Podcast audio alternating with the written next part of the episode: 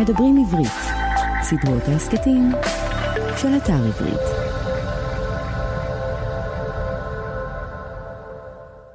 שלום לכולכם, שלום לכולכן, אנחנו הקיפוד והשועל, מדף של ספרים ורעיונות לסקרנים ולסקרניות, שמי שמואל רוסנר. היום מהדורה מיוחדת של ההסכת שלנו. נקרא לזה קיפשו אקסטרה. למה קיפשו? הקיפוד והשועל. למה אקסטרה? בשנה האחרונה אנחנו מקליטים שני סוגים של הסכתים. סדרה של ראיונות שאנחנו קוראים לה שלושה ספרים, יובל נוח הררי, אניטה שפירא, משה בר סימן טוב, עמית סגל, מאיה בר הלל, מיכה גודמן ועוד ועוד. כל אחד ואחת בחרו שלושה ספרים ועליהם דיברנו. בערך עליהם, עליהם ועל מה שמשתמע מהם.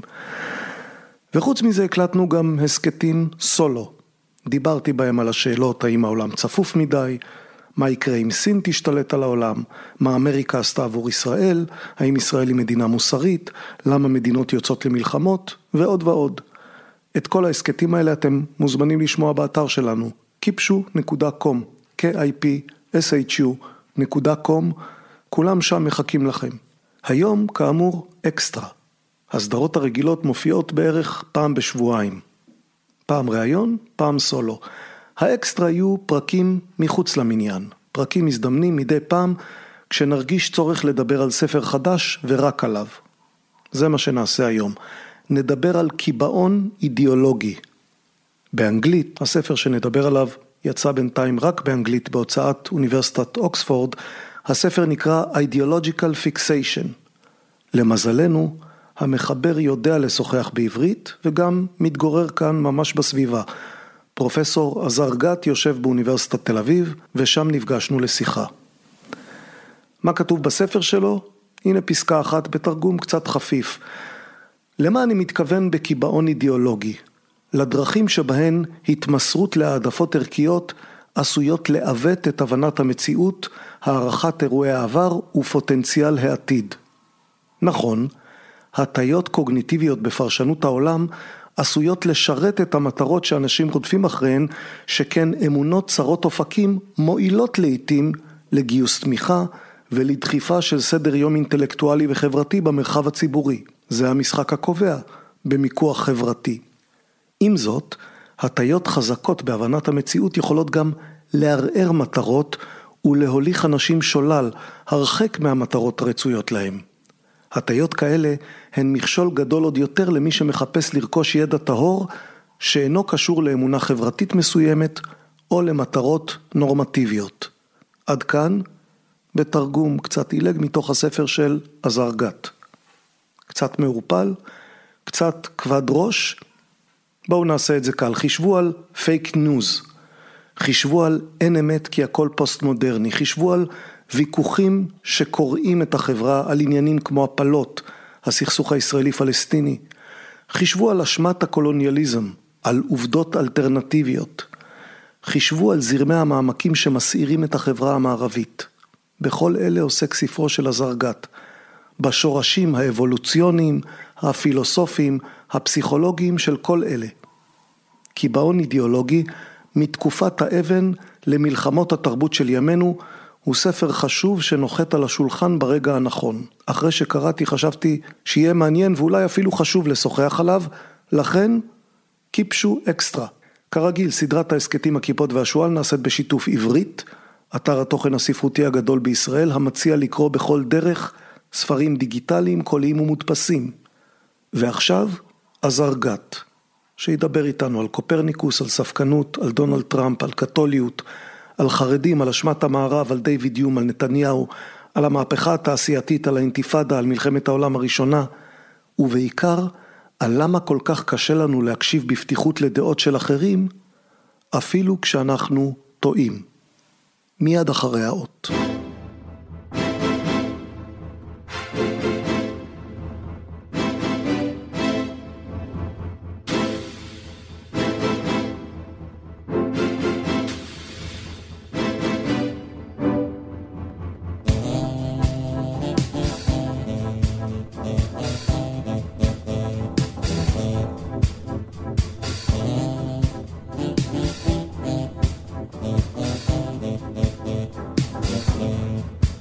פרופסור עזר גת, שלום. שלום רב. שאלתי את עצמי, איך היית מתרגם את שמו של הספר שלך? קיבעון אידיאולוגי, מתקופת האבן ועד מלחמות התרבות של ימינו. אוקיי, אז זה מה שרשמתי לעצמי, קיבעון אידיאולוגי, כי ה-ideological fixation זה התרגום הישיר, אבל האם זה מבטא את מלוא המשמעות של מה שאתה רוצה לומר? אני חושב, כן, זאת התופעה שמסקרנת אותי בספר הזה, העובדה שאנשים נצמדים למסגרת ה... רעיונית, אידיאולוגית, שבה דרכה הם מפרשים את העולם וממש סגורים לחלוטין לכל ההצעה שנוגדת את המסגרת הפרשנית הזאת. כן, אני, אני אספר לך סיפור על מה שקרה לי בעצם עם הפודקאסט הקודם שהקלטתי. הקלטתי שיחה עם דוקטור יובל שטייניץ. עכשיו, הוא היה פוליטיקאי הרבה שנים בליכוד, כולם יודעים, והוא גם דוקטור לפילוסופיה. השיחה שלנו עסקה בעיקר בדקארט וקאנט.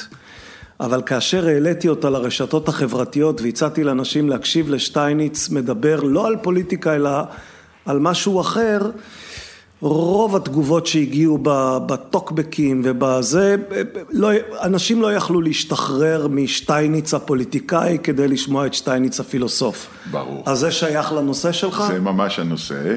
זה ממש הנושא, אני חייב עוד להעיר ככה בדברי הפתיחה, שהתחלתי בו עוד לפני הבחירות של 2016, לפני טראמפ, לפני ההקצנה בשיח האידיאולוגי, גם בארצות הברית, גם בישראל, לפני שנקבע בכלל הביטוי הזה של fake news.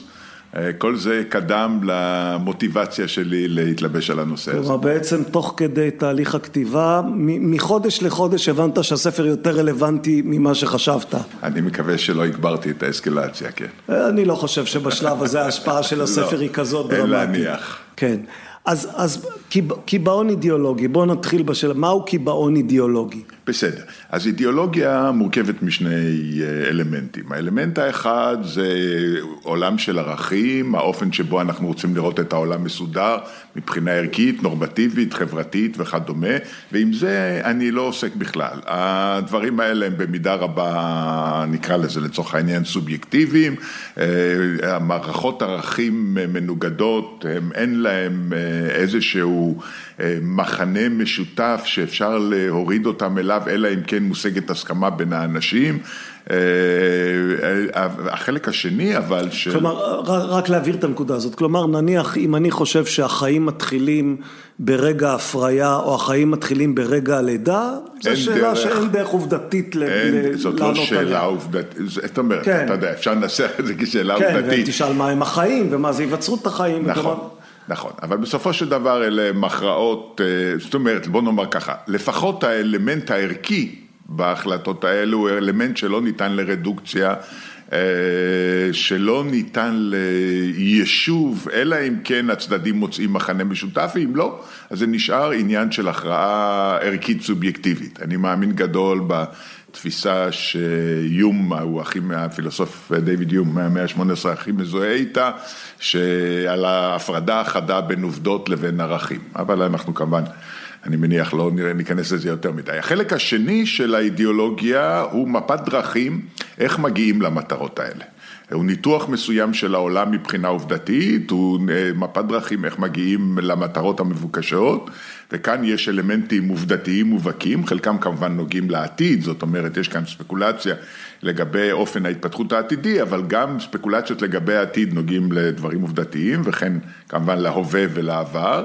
וכאן מה שבאמת מעורר את העניין הגדול הוא שהאנשים ממחנות ניצים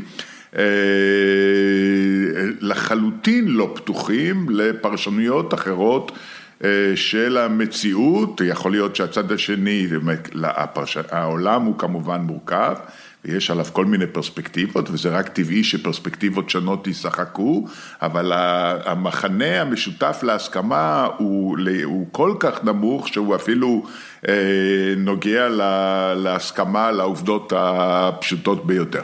כלומר, כאשר בא קופרניקוס או בא גלילאו ואומר אנחנו לא מרכז העולם, אנחנו מסתובבים סביב השמש כמו עוד הרבה כוכבים אחרים ו... יש עוד הרבה שמשות וסביבן עוד הרבה כוכבים אחרים, שזה תובנות שמגיעות עם הזמן, אז לכנסייה הקתולית מאוד קשה לקבל את זה, למרות שזו אמירה עובדתית על העולם. בהחלט, זה מסכן את כל תפיסת העולם שהכנסייה עומדת מאחוריה, ואכן מחויבת לה. ולכן היא לא, לא מוכנה לקבל את זה, ואותו דבר ויכוחים עובדתיים, אנחנו רואים מתקיימים על הדברים הטריוויאליים ביותר, כששני הצדדים מתבצרים לחלוטין אה, בעמדותיהם. אוקיי, עכשיו... גם כן. האפשרות, זה לא אומר שהאפשרות, שהאמת נמצאת בהכרח באמצע, זה לא אומר ששני הצדדים צודקים, אה, זה רק אומר שיכול להיות שיש אמת עובדתית בטענות כאלה, שאני יכול לקבל אה, משמעויות ערכיות כאלה או אחרות שלהם, זה אומר שאולי הצד השני צודק לא ב-100% לא ולא ב-50%, אבל אולי ב-40, 30 או 20%, שגם זה שווה התייחסות. כן, עכשיו המקרה של קופרניקוס והכנסייה הקתולית הוא, הוא מקרה שאני יכול לשאוב ממנו נחמה או עידוד, כי בעצם, שוב, ספרך סוקר את הקיבעון האידיאולוגי, כמו שכתבת, מתקופת האבן ועד ימינו. נכון. ועד מלחמות התרבות של ימינו. נכון. אז, אז, אז קופרניקוס והכנסייה הקתולית, זה סימן שבסופו של דבר, האמת במרכאות מנצחת. אנחנו מקווים, אנחנו מקווים. זה, יש לנו בסך הכל במסגרת ההיסטוריה של המערב בתקופה המודרנית, בסך הכל זה סיפור הצלחה, אבל אנחנו מקווים שאפשר להכליל אותו. זה אין, אין ערובה, אנחנו יודעים שאינדוקציה אה, היא לא מחייבת, היינו העסקה ממקרים אה, קודמים שהמקרה, שה... שה... אבל, אבל אין המון מקרים כאלה? כלומר, לקופרניקוס תחבר, תחבר, תחבר את דרווין, ואחר כך תחבר את איינשטיין, ואחר כך תחבר את... בהחלט, יש הרבה מקרים כאלה, אבל הם כולם מוגבלים למערב ב-400 שנה האחרונות, גם כמובן הרבה טעויות מוגבלות למערב, עובדתיות, אני כרגע מדבר מוגבלות אה, למערב ל-400 שנה האחרונות, אבל אנחנו... אין, אנחנו מקווים שהמסלול הזה הוא אה, עתיד אה, להעמיק ולהתרחב, אין, אין שום ערובה לדבר הזה. אם למשל, אה, אם למשל, אני יודע, גרמניה הנאצית הייתה מנצחת במאה ה-20, זה נושא אחר שאני מטפל בו במקומות אחרים, שהוא לחלוטין לא בלתי אפשרי. בהינתן נסיבות קצת אחרות, בייחוד בהינתן הנסיבה שנניח ארה"ב לא הייתה קיימת, זאת הנסיבה הכי, הכי קריטית כאן. אז אה, במקרה כזה, אתה יודע, כל שאלות, ה... כל שאלות ההערכה שלנו לגבי המציאות העולמית, שלא לדבר על המערך הערכי שקשור עם אה, גרמניה הנאצית, היו מועמדות ב... היו מכוונות, היו אה, מתפתחות בכיוון אחר לגמרי. כן, עכשיו, הספר שלך מתחיל בכלל בשאלות שהן שאלות פילוסופיות במהותן, או שאלות של... של הגדרות, אתה, אתה, מה זאת אמת, כלומר, ואתה חוזר אחורה לא עד תקופת האבן, אם כי במידה מסוימת אתה חוזר לציידים לקטים ולתודעה שלהם, ואחר כך לפילוסופיה היוונית, למה אנחנו צריכים לברר את השאלה מהי אמת? זה לא ברור מהי אמת? זה מאוד לא ברור. למעשה הנטייה במשך עשרות השנים, אפשר לומר במחצית השנייה של המאה העשרים, שבו בדעת, בדעת הקהל המשכילה במערב בייחוד, בקרב האינטליגנציה. בקרב מורי האוניברסיטאות וכדומה, אנחנו יודעים את המעמד הדומיננטי שיש לאותה אסכולה המתקראת אה, דקונסטרוקציה ופוסט מודרניזם. אה, שהמסר שלהם, גם אם לא, גם אם לא המפורש, אבל המשתמע, הם אף פעם לא, אה, לא התחייבו לגבי המשמעות הסופית של השאלה, אבל התלמידים והתלמידי תלמידים והאפיגונים שלהם, כמו שקורה בדרך כלל, אה, סוחבים את, ה, את המסר לכיוון יותר רדיקלי, מבחינתם האמת היא, השאלה של קיום אמת. היא שאלה מאוד מורכבת, אה, אם בכלל יש אמת, זה כמובן מעמיד בסימן שאלה את, ה, את הטענה שלהם שאם אין אמת, אלא רק אה, פרספקטיבות, רק אינטרסים וכדומה, אז השאלה עומדת כמובן, האם ההיגד הזה עצמו... האם כאשר הם אומרים שאין אמת, זו האמת. בדיוק ככה. ומכיוון שלטענה הזאת, שמהדהדת בצורה כזאת או אחרת מסורת ארוכה בפילוסופיה מאז הסקפטים היוונים, הטענה הזאת שמוצגת על ידיהם בחדות ובחריפות גדולה במיוחד, לטענה הזאת היה הד מאוד משמעותי, כאמור, בחוגים אינטלקטואליים ואוניברסיטאיים אקדמיים. והיא נשענת על, באופן חלקי, על דברים כמובן ממשיים. אנחנו יודעים שהאמת, לאמת יש הרבה פנים. הפרק שעוסק באמת, זה הפרק הראשון של הספר, הפרק שעוסק באמת מסביר איך בצד היכולת המופלאה שלנו להבין עולם מורכב אינסופי באמצעות קונספטים שהם באופן מהותי מוגדר, מוגבלים, זה היכולת המופלאה של המוח האנושי שהוא נתן לנו באמת את מעמדנו זה, ברור שכל אחד מהקונספציות שאנחנו מכילים על המציאות היא בהגדרה חלקית. ועל כן תמיד יש מקום להוסיף פרספקטיבות אחרות שמסוגלות לשנות את ההבנה שלנו של המציאות, למעשה זה תהליך אינסופי. כש, כשאתה אומר הגדרה חלקית, אז למה אתה מתכוון? אני רואה בעיניים שלי רק ספקטרום מוגבל של...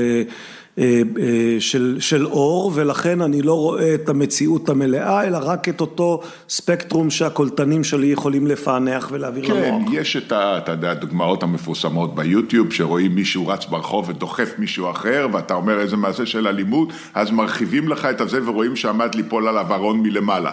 אז אנחנו כמובן מבינים את המציאות הזאת בצורה אחרת לגמרי עכשיו שנוסף לנו הפרט הזה.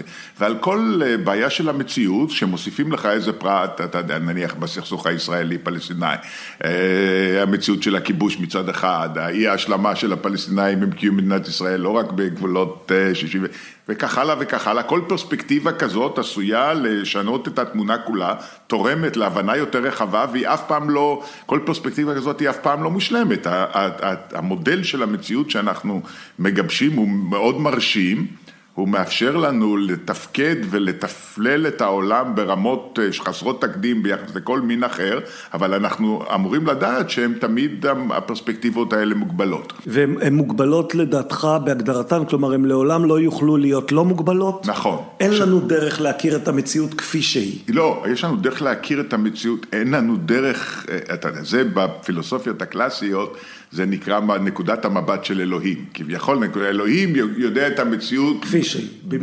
במלואה.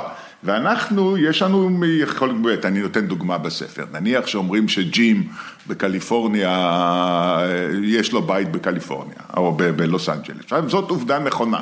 אין בזה שום ספק, אבל אתה יכול להגיד גם שיש לו חנייה לשתי מכוניות, שיש לו גינה בהיקף כזה, שהבית צבוע בלבן, שהוא נמצא בשכונה כזאת וכזאת, הכל, ואין סוף פרטים, אנחנו מוסיפים פרטים או גורעים לפי השאלה שמעניינת אותנו. אז למשל, אם אנחנו מתעניינים בבעיות של אנרגיה, אז אנחנו רוצים לדעת אם הבית יש לו מערכות של אספקת אנרגיה סולארית. וכיוצא בזה. אז כל אחד מהפרספקטיבות האלה מוסיפה מידע, לפעמים הוא נחוץ לנו, לפעמים הוא לא, לפי זה אנחנו מצמצמים את הביקוש שלנו, אבל אם יגידו לנו, וכאן אני חוזר לפוסט מודרניסטים, אם יגידו לנו שהדירה, שהבית של ג'ים הוא בניו יורק, זה היגד לא נכון. העובדה שהאמת היא אף פעם לא שלמה, לא אומר שאין אמת. וההיגד שג'ים, הבית שלו בניו יורק, הוא היגד לא נכון במסגרת הקונספציות שלנו של מה זה ג'ים, מה זה הבית שלו, וההכרה שלנו, הקונספטואליזציה שלנו של מפת הברית. אני אתן דוגמה אחרת, בואו נעזוב רגע את ג'ים. יש אמירה מפורסמת, שאלו פעם את לואי ג'ורג', ראש הממשלה, כן, הדמות המאוד דומיננטית בפוליטיקה הבריטית, במלחמת העולם הראשונה, שאלו אותו אחרי המלחמה, מה לדעתך יגידו על הסיבות לפרוץ מלחמת העולם הראשונה? והוא אמר, לא יגידו שבלגיה פלשה לגרמניה. עכשיו זה היגד בלי שום ספק נכון לגבי כל ההבנה שלנו מה זה בלגיה, מה זה גרמניה וכדומה, אין שום ספק שהוא... הבלגים לא התחילו במשלוח טנקים לתוך גבולות גרמניה, זה עובדתית. זה עובדתית נכון, אין שום דרך, זה, אלא אם כן אתה מערער על עצם הממשות של העולם, זה בסדר גמור. כל הידע שלנו על העולם, כל הקונספט, מבוסס על הנחות מסוימות, זה בסדר. עכשיו, אבל האמירה הזאת היא לא מספיקה. אתה יכול, קודם כל אתה יכול לאתגר אותה. אגב, כשלואי ג'ורג' אמר אותה, הוא התכוון בעצם לכוון את האצבע לגרמניה. ברור. כלומר להגיד, זו גרמניה אשמה כי היא פלשה. ברור, אבל אז אתה יכול לערער שאלות כמו, זה נכון, מה שלואי ג'ורג' אמר, מצד שני התנהל אז מרוץ קולוניאלי בעולם, בריטניה וצרפת בנו לעצמם אימפריות גדולות, גרמניה חשה את עצמה מקופחת, הדבר הזה הוא תרם לכך שגרמניה תמצא את עצמה. אם אתה אומר זה, אתה... רצתה שטחים באפריקה, לא רצו לתת לה שטחים באפריקה. בדיוק ככה, אז אתה מוסיף פה שורה של אה, פרספקטיבות במסגרת המודל הכללי שלך, שאתה בונה להבנת הסיבות למלחמת העולם הראשונה, שהוא אה, של פרספקטיבות שהן בלי שום ספק שייכות לשאלה. והן מעשירות את ההבנה שלך של הסיבות לפרוץ מלחמת העולם הראשונה. אז גם האמת הבדידית הנכונה באמירה של לואי ג'ורג' איננה מסכמת את השאלה. ועכשיו השאלה היא באמת איזה פרספקטיבות הנכונות, לאיזה יש, לאיזה יש תוקף עובדתי, אם למשל הייתי אומר, אני יודע שהפעילות של יפן היא זאת שאתגרה גרמניה, זה פרספקטיבה שהיא לא תהיה רלוונטית לשאלה. אז איזה פרספקטיבות... כן, אה... אבל, אבל למשל לחזור אחורה למלחמות נפוליאון יכול להיות רלוונטי לשאלה, ואם בהחלט... חזרת לנפוליאון אז אתה יכול לחזור עוד אחורה. אתה יכול, כל כלומר, דבר, ה... אין, אין לזה סוף כמובן, והכל שאלה של איזה... כפי שאמרנו, העולם הוא אינסופי, והמורכבות שלו אינסופית, ובצורה מסוימת הכל קשור להכל. ואנחנו לא מסוגלים לעבוד בצורה כזאת, אנחנו חייבים לבנות לנו מודל מפושט, שהוא הרבה פעמים מאוד מורכב, מאוד אה, מתוחכם, אבל הוא עדיין מודל מפושט, שבו אנחנו מנסים לכווץ את הרקע ההסברי, שהוא יהיה מצד אחד מספיק עשיר ומספיק אה, תקף, ומצד שני שהוא לא בסופו של דבר לא ייגע, אתה יודע, בסופו של דבר לא ייגע בקשרים שיש בין אטומי מגנזיום באדמת גרמניה, כי גם זה משפיע. אז אנחנו חייבים, כל מודל שלנו של המציאות הוא מודל חלקי. אבל אז אם אתה לוקח נניח סוגיה שכל מאזיננו מכירים, שזו הסוגיה הישראלית-פלסטינית, בעצם אם אתה גוזר את מסקנותיך ממה שקרה ב-1947, תגיע לדבר אחד.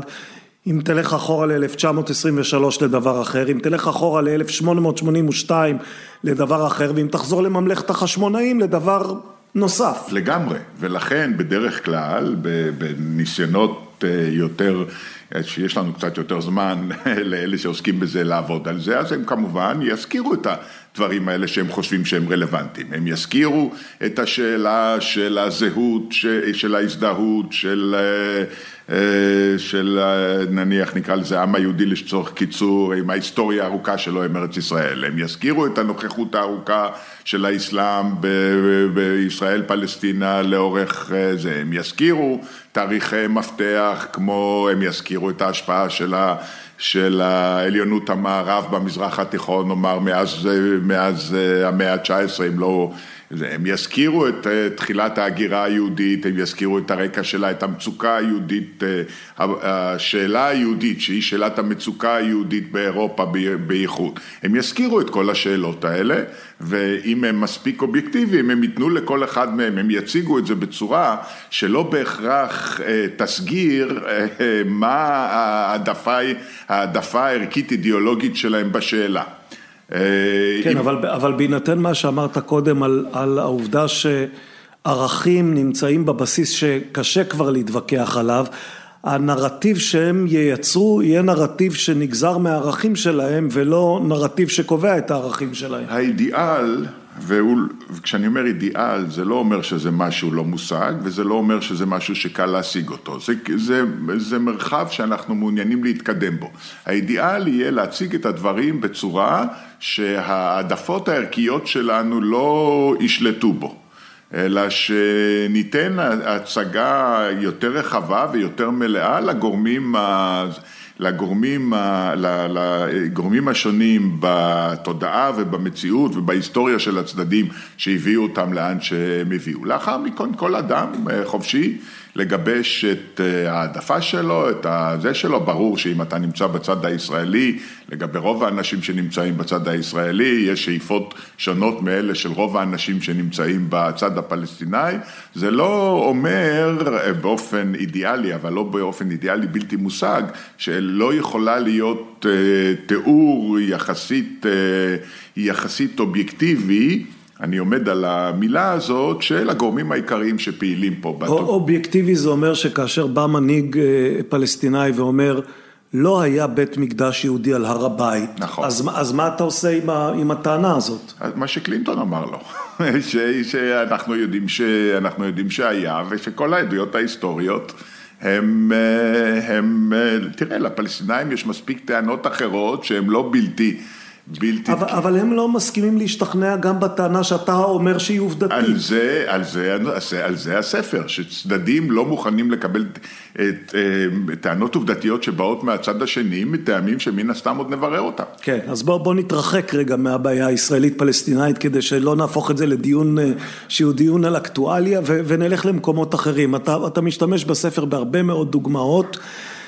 ובעצם השאלה שלי היא האם, האם הדוגמאות האלה מבשרות על אה, תחושה פסימית? כלומר, אתה אומר, זה העולם, כך הוא תמיד היה וכך הוא תמיד יהיה, או שאתה רואה איזשהו תהליך של השתפרות או הידרדרות? תראה, הפרק האחרון שלי, הסיכום נקרא ideological fixation now and ever, או משהו כזה. כן. יודע, היום כן. ו- ולתמיד. אז ברור שזו תופעה מאוד מעוגנת בנטיות שלנו הטבעיות. בעצם, הי- בעצם בטבע שלנו, בת- צריך לומר, הספר שלך האנושי. עוסק גם הרבה מאוד ב- בביולוגיה של, של בני אדם, ברור. ובמדעי המוח ודברים בדיוק. מהסוג הזה. בדיוק. אז, אה, אז במובן הזה ברור שאנחנו, זה ב- באופן עמוק מעוגן בנטיות טבעיות שלנו, שאותם אה, מן הסתם נברר קצת אחר כך, אבל אה, על השאלה היותר רחבה שלך, האם יש כאן שיפור או תקווה, אז קודם כל... אה, בוא- האם יש כאן מגמה בכלל? אז בסדר, אז על, זה אני אגיד, אה, אתקוף את השאלה הזאת משני כיוונים. האם לאורך ההיסטוריה יש שיפור? אני חושב שאפשר לדבר על שיפור מסוים, ההבחנה הולכת וגוברת במישור התודעתי, אם אתה רוצה היא קשורה למורשת ההשכלה במובנה הרחב, הנ- הניסיון להפריד בין ההטיות שיש לנו ביחס לאני, ביחס לזה, לנסות להגיע להסתכלות יותר אובייקטיבית על המציאות, לראות גם את הצד השני וכך הלאה. אז אם אתה מדבר על מגמה מאוד רחבה, אני חושב שאפשר לדבר על שיפור. ולכן אנחנו היום במציאות שבה נניח כת אה, אה, כדור הארץ השטוח היא כת מאוד קטנה. נכון, נכון. אה, עכשיו, לגבי השאלה האם הדבר הזה, זאת אומרת, ה- הסיבה השנייה שאני אומר את זה היא אומנם מצד אחד פסימית, אבל מצד שני התקווה שעל ידי הצבעה יותר נחושה על הדבר הזה, לא שזה ישנה את התנהגות ההמונים, זה לא ישנה אותם, אבל שמספיק אינדיבידואלים שמחכים לשמוע את הקול הזה ואת הנושא הזה, אה, ייקחו את הדברים אל ליבם. בוא ניקח אה, אה, נושא שגם הוא מוכר לכל, התחממות כדור הארץ. זה נושא שנמצא היום באותו מצב שהיינו בו בתקופת גלילאו עם, אה, עם השמש וכדור הארץ. כלומר, ישנם אנשים שטוענים שהעובדות לצידם והם יודעים, ישנם אנשים שמכחישים את העובדות האלה. אני לא יודע האם העובדות כבר נמצאות ברמת ודאות שאפשר לומר שמי שלא מסכים איתם הוא, הוא תימהוני גמור. כן. אז מה אתה עושה עם זה? נכון, קודם כל זה נכון מאוד מה שאתה אומר, קצת לא נוח לי עם הדוגמה הזאת, כי זו דוגמה דווקא שאני לא עוסק בה בספר, בין היתר משום שאין לי את הכישורים. אני ניסיתי לבחור נושאים שבהם יש לי כישורים אה, היסטוריים, סוציולוגיים, פוליטיים וכך הלאה, לטפל בהם בצורה, בצורה מדעית, זאת אומרת שאני בא מתוך נתונים של אה, היכרות עומק, ובנושא הזה אין לי. אבל אני חושב שמה שאתה אומר הוא נכון, אה, זאת אומרת, אה, קודם כל, ברור שזה הפך להיות לנושא של מקטב בין נניח שמרנים וליברלים ופרוגרסיביים בארצות הברית וכדומה בכלל, פחות או יותר, לא רק בארצות הברית אלא גם במקומות אחרים. אני חושב, והחשדנות שיש לצדדים אחד כלפי השני בסוגיות הכלליות, באה לידי ביטוי פה. זאת אומרת, שמרנים חשים שהליברלים נכנסים להיסטריה מכל דבר ולא תמיד מתוך בסיס, והליברלים חשים שהשמרנים עוצמים את העיניים מול דברים שאין לעצום את העיניים מולם, בין אם זה בהתחממות גלובלית, אבל בין אם בנושאים חברתיים כאלה ואחרים. אז במובן הזה, כמו שזה, שני הצדדים משגעים אחד את השני, הוויכוח הופך להיות לא ויכוח על העובדות, אלא ויכוח על ראיית העולם הכוללת של שני הצדדים. אז אני חושב שבנושא הזה, שכאמור אין לי עליו, זה, אין לי עליו מידע מקצועי, כן. מוצקה, אז, אז אה, כמובן אני לא חושב שהעובדות הן מעל לכל ספק, אבל אני חושב שהעובדות אה, הולכות ונוטות יותר לכיוון הזה. יש פה שורה של שאלות עובדתיות שכל אחת מהן היא שאלה מאוד נכבדת בפני עצמה. השאלה הראשונה, האם יש התחממות?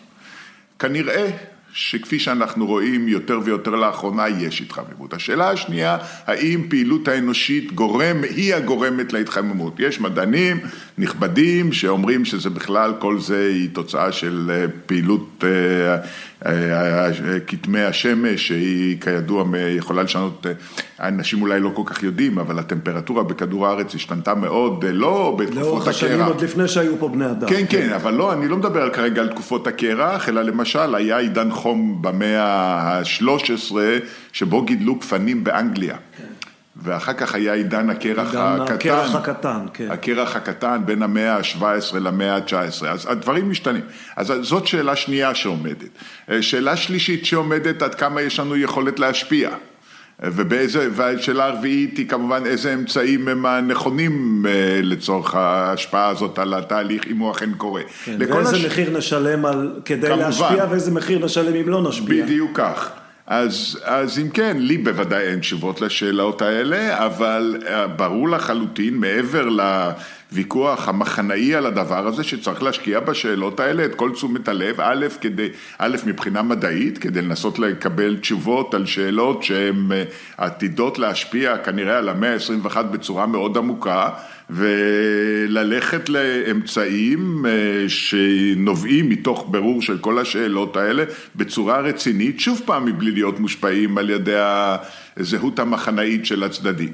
זה, זה מה שצריך לעשות מבחינה, אני אפילו לא רוצה להגיד כאן מבחינה רציונלית, מבחינת אה, הטוב שכולנו נצטרך לחיות בו. כן, אבל בעצם כשאתה עוסק בספר בשאלה למה אנחנו מקובעים אידיאולוגית, אתה מתייחס גם ליתרונות של קיבעון אידיאולוגי, ואולי בדיוק נכון. בסוגיות מהסוג הזה, הקיבעון האידיאולוגי שלנו מביא לנו תועלת, כי הרי אני כאדם שבאמת לא מספיק מתמצא במדעי כדור הארץ, כן.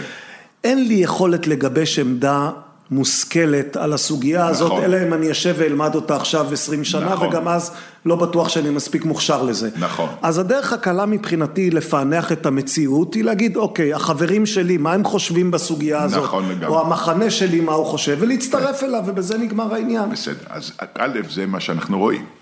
בסך הכל זה מה שאנחנו רואים, אני, זה מפליא אותי כל פעם איך אנשים שאני מכיר אותם כאנשים אה, משכילים ומתוחכמים וכך הלאה, נצמדים למחנה בצורה כל כך... אה, כל כך uh, הדוקה וכל כך אינסטינקטיבית וכך הלאה. אז זה מה שאנחנו רואים. הם אומרים, הצד השני מצביע מהבטן, אנחנו מצביעים מהראש. לגמרי. כך תמ... כולם חושבים. זה תמיד, אה, זה תמיד מכים על החזה של הצד השני, אם אנחנו, זה נשתמש ב...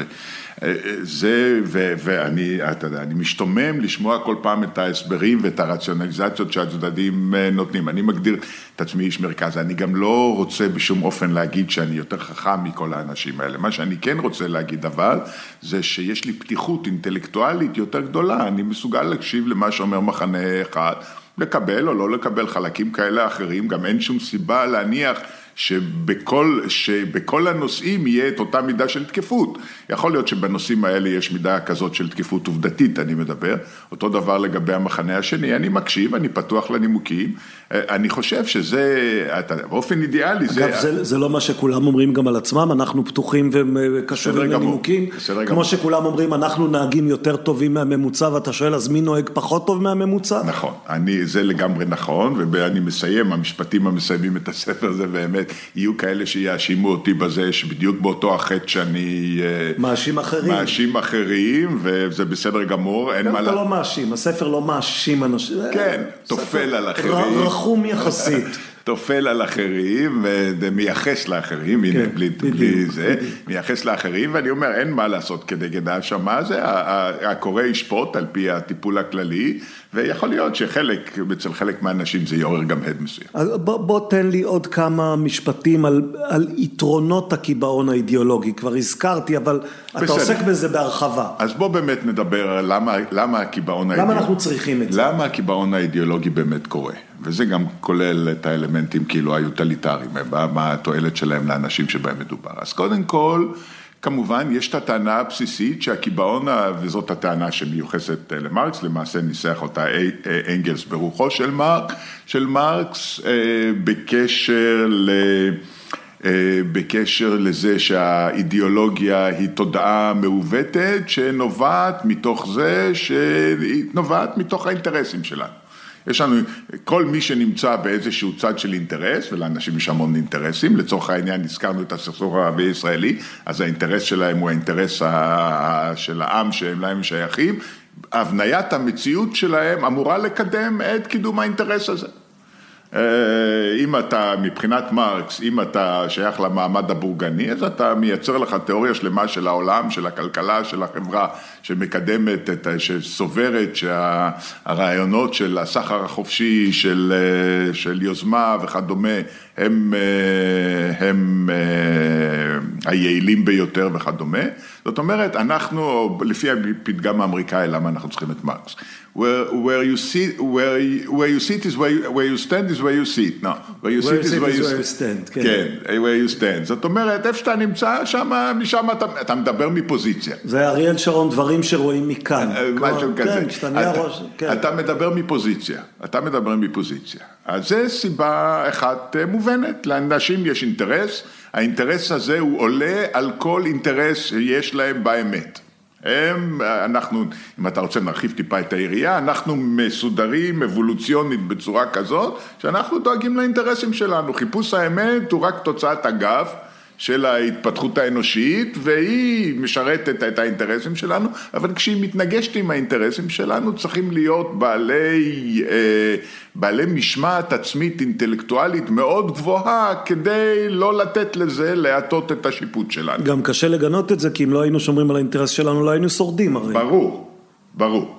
אז ותכף נחזור לזה. סיבה שנייה למה אנחנו צמודים לזה כל כך, זה באמת אה, כמו שכבר רמזת, וזה שראיית העולם שלנו מאוד מורכבת. ואנחנו לא יכולים אה, לפתח אותה בעצמנו. אנחנו, כמו שנאמר, מה שניוטון אמר לגבי הפיזיקה שלו, אני עמדתי על כתפי ענקים, הוא התכוון לגלילאו וכדומה. זאת אומרת, אה, הבניין של הדעת האנושית הוא בניין מורכב שנבנה במאמץ של דורות. לא כל אדם יכול, אה, אף אחד לא יכול לפתח את המבנים האלה, זה, ואנחנו מקבלים אותם. אנחנו מקבלים אותם מהסביבה, זה נקרא לימוד חברתי או סוציאליזציה, אנחנו מקבלים אותם. אז עכשיו אנחנו, ברגע שאנחנו מקבלים אותם, הם הופכים להיות לחלק אינטגרלי של ההסתכלות שלנו על העולם, מאוד מאוד קשה לנו לשנות אותם, מאוד קשה לאתגר אותם. אה, כי אף אחד לא, אנשים לא מסוגלים, הדברים, ה- ה- הראייה הזאת הופכת כל כך לחלק אישיותי, אה, אפילו לחלק זהותי, זה, זה האלמנט הנוסף. כן. והאלמנט הבא מכל זה, שבאמת גם הוא, שהוא כאילו ממשיך את הדבר, אנחנו שייכים לקבוצה, אנחנו, יש, יש ביטחון, גם אינטלקטואלי, גם חברתי, בזה שאנחנו שייכים לקבוצה שלמה שמחזיקה בדעות האלה, זה נראה לנו כדבר, לכן הדעות האלה נראות לנו כדבר הטבעי וההגיוני, הרי אנחנו יודעים שהדעות של המחנה השני נראות לנו, נראות לנו מוטעות ומעוותות לחלוטין. והדבר הזה נכון לכל הכיוונים, מה שלא אומר שחלק מהדעות לגבי פרשנות העולם בשני, בשני הצדדים לא חייב להיות במידה שווה, הם אכן מאוד מוטות, אבל הראייה שלנו היא ראייה קבוצתית. יש לנו ביטחון, אם נביא את זה לתקופה שלנו, אז אנחנו רואים את התופעה הזאת מוקצנת על ידי תופעת הרשתות החברתיות. והעובדה שאנשים מפוצלים לחלוטין בעולם. שם יש את האלגוריתמים שבכלל מהדהדים לנו את העמדות של עצמנו. כמובן, ואנחנו לא נחשפים בכלל לעמדות אחרות, ואנחנו מחזקים אחד את השני על ידי זה שאנחנו מדברים רק עם אנשים כמונו, אז זה כמובן אלמנט נוסף. עכשיו, עכשיו השייכות לקבוצה היא בעצם דבר שהוא כל כך בסיסי. שהוא, יש הרי את סיפורי הילדים המפורסמים על מדינות שיצאו למלחמות סביב השאלה אם הביצה צריך לטגן אותה מצד אחד או משני הצדדים, כלומר זה בכלל לא חשוב לגודלו של הוויכוח, אלא לעצם זה שאתה יכול להפריד בין שני מחנות, זה הופך כי אלה אוהבים את הוורוד ואלה אוהבים את הסגול. נכון, זה הופך להיות לחלק מהזהות, זה הופך להיות לחלק מהתרבות. ולכן, כמו שאנחנו, כמו שציינת באמת את הסיפור המפורסם של סוויפט ממסעות גוליבר, שבו יש המחלוקת בין מדינת האי, שהכוונה לאנגליה, לבין מדינת היבשה, שהכוונה לצרפת, היא על מאיזה צד צריך לפתוח את הביצה. כן. מהצד הדק או מהצד העבה. כן. עכשיו, זה נראה לנו כמובן מגוחך. לחלוטין, כי זה לא מחלוקת אמיתית שקיימת בין שום קבוצה, גם לא בין אנגליה וצרפת של תקופתו, אבל השאלות התיאולוגיות שהפרידו ביניהם, אנשים הרגו ונהרגו, וכמו שסוויפט אומר, אלה שדוגלים בזה שהם צריכים לפתוח את הביצה מהצד הלא נכון, מחרימים את הכתבים שלהם, לא מרשים להם ללכת למשרות ציבוריות, ולפעמים הם הופכים להיות למרטירים, לקדושים על האמונה. אז אם לא נדבר, אתה יודע, לא נדבר על היהדות בהקשר הזה, אז כמובן בהודו, מוסלמים והינדואים הורגים זה את זה, על השאלה האם זה חזיר או פרה שאסור לשחוט ולאכול. בסדר, אז הדברים האלה הם, כשסוויפט מציג אותם בדוגמה היפותטית, הם נראים מאוד מצחיקים, אבל כשאנחנו עוברים לדוגמאות מהעולם האמיתי, אז ברור שזה חלק עמוק מאוד מהתרבות, מעולם הערכים והסמלים, שאותו אנחנו מקבלים בדרך של סוציאליזציה, והדברים האלה אנשים נהרגים. אסור, לב... יש, אנחנו גם רואים את זה במקרים הפוליטיים, אתה יודע, היום בישראל זה חזר להיות, אסור לוותר לצד השני באינץ'. מכיוון שזה מצבים של מיקוח פוליטי, חברתי וכדומה, אז כל הכרה בזה שאיזושהי טענה של הצד השני היא נכונה, זה סוג של כאילו הבעת חולשה או פקפוק. בתפיסה הכללית של המחנה ולכן הצדדים לא מוותרים אחד לשני באינץ', מכיוון שמצבים של מיקוח חברתי הם באמת הדברים שהאבולוציה דחפה אותנו לעמוד על שלנו כדי להצליח לקבל דברים ולא לוותר, כמובן לפעמים אנחנו מוותרים כאשר מאזן הכוחות הוא כזה או אחר, אז, אז החוסר יכולת לקבל אפילו חלק מהטיעונים של הצד השני זה המציאות שנגזרת מתוך המציאות של מיקוח חברתי. כן, אמרת האבולוציה שלנו, הנה עוד נושא שבו יש קושי לשכנע קבוצות מסוימות שהאבולוציה היא אכן האבולוציה. לגמרי. למה, למה הם לא משתכנעים? הם לא, תראה, אלה שדוחים את האבולוציה, אז בדרך כלל הם באים מתוך תפיסה בריאתנית דתית, בין אם ביהדות, בין אם בנצרות וכדומה. המזרח יותר אדיש לשאלות מטאפיזיות כאלה במסגרת התפיסות הדתיות או הסמי דתיות שקיימות שם, בשיטות המחשבתיות. ההתנהגותיות הגדולות שקיימות במזרח. אבל במערב, שכאשר הדתות, בייחוד הנצרות ולפניה היהדות, חייבו את עצמם לסוג מסוים של קוסמולוגיה, קודם הזכרת את קופרניקוס ואת הבעיה של זה, לקח לכנסייה כמה מאות שנים לבלוע את הקוסמולוגיה הזאת ולהגיע לעמדה שהשאלות האלה לא באמת רלוונטיות לזה. ולצורך זה התיאולוגיות השונות פיתחו שורה של נימוקים, כולל זה שמדובר באלגוריה, שלא אין הכוונה זה, שמדובר בראש ובראשון. נימוקים שלפעמים מרגישים קצת מאולצים, צריך לומר. ברור, ברור. תיאולוגיה, כמו הרבה דברים אחרים, זה דבר שהוא רווי בסוג של, אתה יודע, שמה שנראה כניסיונות לפעמים מאולצים, לפתור שאלות שלכאורה אין עליהם... גם בהקשר של תאודיציה, של הצדקת האל, וגם בהקשר של הצדקת דברים אחרים, שאתה אומר... ברור. כן. כל השאלה של הרוע בעולם, למה הוא קיים, כל השאלה של, אתה יודע, איך זה שהחפים מפשע, התינוקות נרצחים וסובלים כל כך, כל השאלות האלה הם תמיד השאלה של, אתה יודע, צדיק ורע לו, רשע וטוב לו, כל השאלות האלה הקלאסיות, בייחוד בדתות המונותאיסטיות. כל השאלות האלה הן שאלות שכמעט, שקשה מאוד, ופותחו שורה של אסטרטגיות הסבריות בתוך התיאולוגיה על מנת ליישב את זה. ואנשים חיים עם הסתירות האלה, עם הבעיות האלה. מתי מגיע הרגע שבו נניח התיאולוגיה הנוצרית נאלצת לקבל על עצמה את התובנה של קופרניקוס? או אני אשאל את זה ביחס לעתיד, מתי יגיע הרגע שבו גם אחרוני המתנגדים ייאלצו לומר לעצמם, כן, כנראה שדרווין צדק? בסדר, אז זה באמת, אתה הצבעת על שתי נקודות מפנה כאן. אז עם הפיזיקה הקלאסית, זאת אומרת, מקופרניקוס והלאה, הכנסייה שבהתחלה התמודדה נגד זה, אז הכנסייה, הנצרות הפרוטסטנטית קיבלה את הדברים האלה די מהר, די מהר, כבר במאה ה-17, ודאי ה-18 וכדומה. הכנסייה הקתולית שחייבה את עצמה בצורה כל כך קשה, רק במאמץ גדול במאה ה-19 ובמאה ה-20, קיבלה את הדבר הזה, אבל אז נחתה להצהרה הרבה יותר גדולה, וזה הדרוויניזם של...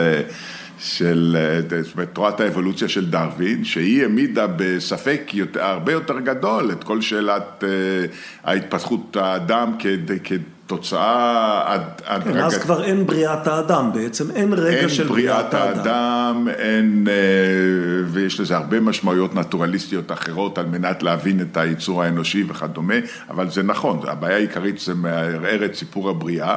וכאן התעוררה דווקא בחוגים פרוטסטנטיים ריאקציה נוראית, שאנחנו מכירים את משפט הקופים הרי שהתנהל בראשית המאה ה-20 בארצות הברית על השאלה הזאת, בת, בטנסי כמדומני, ו, ומאז חלק מסוים, כמו בכל, כמו בכל דת, יש זרמים שונים, אז החלק האבנגלי היותר, היותר הדוק בתוך המציאות הפרוטסטנטית באמריקה, מנהל, עדיין מנהל מלחמת חורמה נגד הדרוויניזם בציבוריות האמריקאית, כאשר גורמים אחרים בתוך הנצרות נסוגו לעמדה שאפשר לקרוא לה עמדה מודרניסטית בתוך הדת, שרואה את כל השאלות האלה, לא רואה אותם, לא רואה את הסיפור הדתי כמשהו מחייב קוסמולוגי, אלא מסבירה אותו אלגורית, מסבירה אותו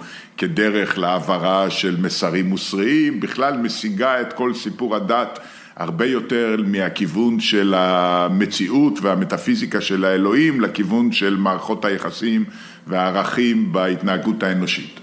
כן, עכשיו יש נניח גם קבוצות חרדיות בישראל שלא רק שלא מקבלות את האבולוציה אלא אפילו מלגלגות עליה. אז אני שואל שוב, מתי ירגיע הרגע שלא תהיה להם ברירה אלא לומר כן, כפי שכדור הארץ מסתובב סביב השמש, שעם זה אגב, את זה כולם כבר קיבלו, כמעט כולם, הם ייאלצו להכיר גם בדרווין, מה זאת תהיה התפתחות טכנולוגית שנשענת על האבולוציה עד כדי כך שאתה אומר, טוב, אני רוצה את התרופה הזאת, ואם זה מחייב אותי להבין שיש אבולוציה, אז אני אכיר בזה? אני לא יודע אם זה יקרה ומתי זה יקרה, וכמה קבוצות יישארו בעניין הזה מאחור. חלק גדול כמובן מביע את, את, את ההתעלמות של שאט נפש מכל, מכל הרעיונות האלה, למרות שכמובן נשענים על זה, נשענים על זה בכל הטכנולוגיה המודרנית, ולא שלא לדבר על רפואה וכל הדברים האלה שנשענים על הידע של המדע, אבל בדרך כלל יש פשוט היסגרות מפני כל העולם הזה, האם זה יקרה ומתי. האתגור של תפיסת הבריאה הוא הרבה יותר מהותי. מאשר השאלה איזה כדור מסתובב מסביב לאיזה כדור במערכת השמש. כן, עכשיו בספר שלך אתה עושה חלוקה גם בפרקים בין שאלת הדת, כלומר קיבעון אידיאולוגי כפי שהוא מתבטא בדתות, ומשם אתה עובר לקיבעון אידיאולוגי כפי שהוא מתבטא באידיאולוגיות של המאה העשרים. כן, אבל אני רוצה להגיד מילה על הדת, שמשהו שלא, משהו שלא אמרנו, וזה באמת, לדת יש כמה רכיבים. הפרק על הדת, אולי כדאי להגיד פה, כתוב שם, הוא נקרא Religious Ideological Fixation, examined by a non-hostile atheist. כן. כן, אתאיסט שאינו מתעב את שאינו הדת, עוין, כן, כן. אינו עוין. אז עכשיו, כי לדת יש באמת כל מיני, לדתות יש באמת כל מיני חלקים, וחלק אה, מרכזי בהם הוא כמובן מגיה. הרעיון הזה שפעולות מסוימות אה, מול אה, ריטואלים ופעולות אחרות מסוימות יכולות להשיג תוצאה בעולם באמצעות התערבות של כוחות עליונים, על טבעיים וכדומה. זה נמצא ברוב הדתות, כמעט בכולם, קשה מאוד זה, אנחנו, אתה יודע, אפילו אלה מאיתנו שלא דתיים, נניח מסתכלים באליפות העולם במונדיאל, אה, ואתה יודע, וחושבים שיש... רציתי להגיע למונדיאל אחר כך כשנדבר על לאומיות, אבל יאללה, תלך בסדר, על אז זה אני עכשיו. אומר, אתה יודע, אני בטוח שהנציגים של ארגנטינה, יש להם ריטואלים שלמים שהם עושים, לא דווקא רק, לא רק ארגנטינה, כדי, זה, אתה יודע, לובשים את אותה גופייה שהם לבשו בזה, ומצליבים אצבעות, וכל מיני, אה, כאילו, דברים שאנשים עושים אותם, והם כאילו חושבים שיש להם השפעה על העולם. אז יש לנו נטייה כזאת. לא חשוב כרגע מקורותיה, אז, אז חלק גדול מה... שגם הם אבולוציוניים גם הם בסופו של דבר. אבולוציוניים, כי אנחנו מחפשים סוג של pattern, סוג של דפוסים בעולם, שהתנהגות מסוימת יוצרת תוצאה מסוימת. ואנחנו כאן, יש לנו שדה, שדה גדול של חיפושים. אז מאגיה היא חלק מכל הדברים האלה. חלק נוסף זה הנטייה להאנשה. זאת אומרת, אנחנו מחפשים מה שנקרא בזה agency באנגלית, אנחנו מחפשים זהויות אה, שיש להן חיות אקטיבית בעולם, כי הזהויות האלה בעבר האבולוציוני שלנו היה הדבר הכי מסוכן. בני אדם זרים, בעלי חיים אה, טורפים וכדומה. אז יש לנו נטייה, זה מה שקוראים לזה שאנחנו רואים אה, פנים על הירח.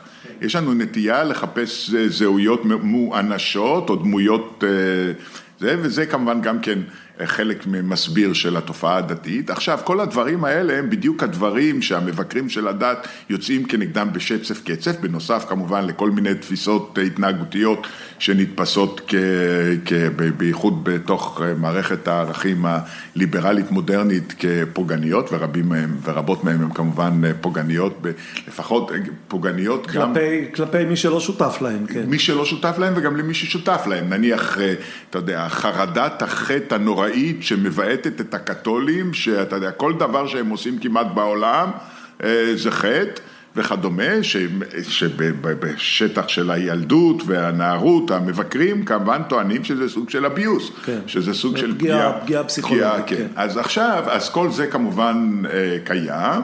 וזוכה להרבה מאוד גינוי בשצף קצף על ידי מבקרי הדתות, אבל צריך גם לזכור שהדתות, רובן ככולן, הם גם מה שנקרא Systems of Virtue, זאת אומרת איזושהי, איזושהי מערכת שנועדה לכוון את האנשים להתנהגות הרמונית ונאותה עם סביבתם, עם עצמם, עם העולם, ובמובן הזה נחזור ליהדות ונדבר על, דברת על האנשים ב... ב בבני ברק, במאה שערים לצורך העניין, הם חיים בתוך מערכת שנותנת משמעות לחייהם, שמסדירה את יחסיהם עם, עם בני הקהילה שלהם ועם העולם על בסיס שהוא מעבר לבסיס האגואיסטי וה, וה, וגם של התסכול שבא משאיפות שלא מתגשמות וכדומה, נותן להם איזושהי מסגרת ערכית של התמודדות בתוך העולם. והדבר הזה, Systems of Virtue כאלה קיימים בכל המערכות האידיאולוגיות דתיות בהיסטוריה, ואנשים צריכים, אנשים מרוויחים באופן זה, כמובן הם מדווחים על רמות יותר גבוהות. כן, זהו, כשאנחנו באים עם מדדי עושר למיניהם, מדדי אז אנחנו... עושר, אז אנחנו יודעים שהקהילות האלה יותר מאושרות, יותר זה וכדומה. כל זמן שזה לא, אתה יודע, לא מזיק בצורה זה, אז הדברים האלה... שלא לדבר על זה שבזמנו ייחסו להם, אולי גם בצדק, תמיכה במידות האזרחיות, של קהילתיות, של מסירות לכלל וכדומה, של, שעוברים את, ה, את האינטרס האישי והאגואיסטי וכדומה. אז, אז כל הדברים האלה... אז, אז אתה בפרק מתאר את העובדה שאתה בא להביט בדת כמי ש... הוא כשלעצמו אתאיסט, אבל אין לו איזו עוינות מובנית נכון. לדבר הזה. אחד, ה, אחד החוקרים הכי גדולים של הדת זה מקס ובר, שהוא היה לו insight, אינסייטים נהדרים לתוך התופעה הדתית, וכתב על זה וכדומה, רבות, והוא כתב שהוא מבחינה דתית לא מוזיקלי. אז אני נמצא באותו, באותה עמדה שאני מבחינה דתית, שום, אין לזה שום הדהוד אצלי מהבחינה האקזיסטנציאלית, אבל מבחינת, ה, מבחינת התופעה זה כמובן מעורר את סקרנותי ואני... בוא נדלג מהדת שוב לפרק הבא בספר, שהוא, שהוא עובר לאידיאולוגיות של המאה, קומוניזם, פשיזם. בוא, בוא נתחיל בדבר הבסיסי, מה ההבדל? אז קודם כל... מקופל בעובדה שהפרקים האלה באו אחרי, אחד אחרי השני, שאידיאולוגיה, כפי שיש כאלה שטוען, שכאילו מסווגים אותה, כאילו זה דבר מודרני.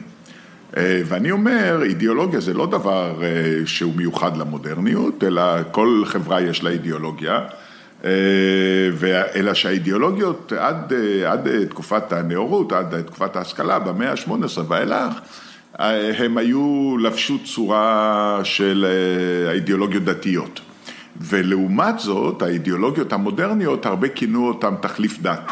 אנחנו יודעים את האופן הקנאי שאנשים הרבה פעמים נצמדים לאידיאולוגיות שלהם, את התפקיד העצום שממלאים בחיים הרוחניים שלהם וכדומה, יש לנו דוגמאות עצומות גם, גם מפה וגם כמובן מכל העולם וכדומה.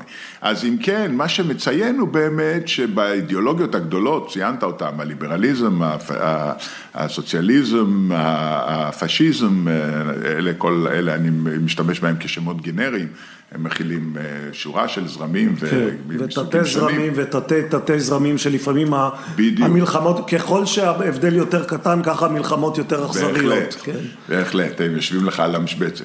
אז, אז, אה, אז כל אלה, מאז, אלה הם האידיאולוגיות הגדולות של המאות ה-19 וה-20, אה, והן באמת במידה רבה מאוד הרחיקו את האלוהים את האלוהות מתוך, ה, מתוך השיח שלהם, לא באופן מושלם, אבל במידה רבה מאוד אה, עברו, אה, אה, חילון, השיח, חילון עברו חילון, ויחד עם זאת הם, הם לא רק סוג של, הם, הם בין היתר, הם דתות, הם נחשבות ל... מוגדרות כתחליפי דת או כ... בין היתר משום, או כדתות חילוניות, בין היתר משום שהן מבטיחות לא רק תמונה עצומה של העולם, אלא לגבי חלק מהן גם הבטחה של ישועה. אה, אנחנו, הם אמורים להביא אותנו לסוג של... לימות המשיח. לימות המשיח, בדיוק ככה, של משיחיות, של הבטחת ישועה, זה מאוד מאוד חזק כמובן במרקסיזם וכדומה, זה לא פחות חזק בגילויים היותר אה, זה של הפשיזם, נאציזם כמובן, ובמובנים מסוימים זה נכון גם לגבי הליברליזם. אז מה, אז בסוף זה אותה מהות בכסות אחרת? אז, אז אה, יש, יש בעיה עם המושג מהות עצמו. זה תופעה ש... כן, מהי המהות. כן, מהי מהות וכדומה, אבל ברור שיש כאן סוג של אה, המשכיות עם, אה, עם שינוי, כמו בהרבה דברים אחרים, בין היתר כמובן, וזאת נקודה שכדאי להגיד אותה, האידיאולוגיות האלה של המאות ה-19 וה-20 באו לפרש את השינוי הכי גדול בהיסטוריה של האנושות מאז המעבר לחקלאות ועליית המדינה.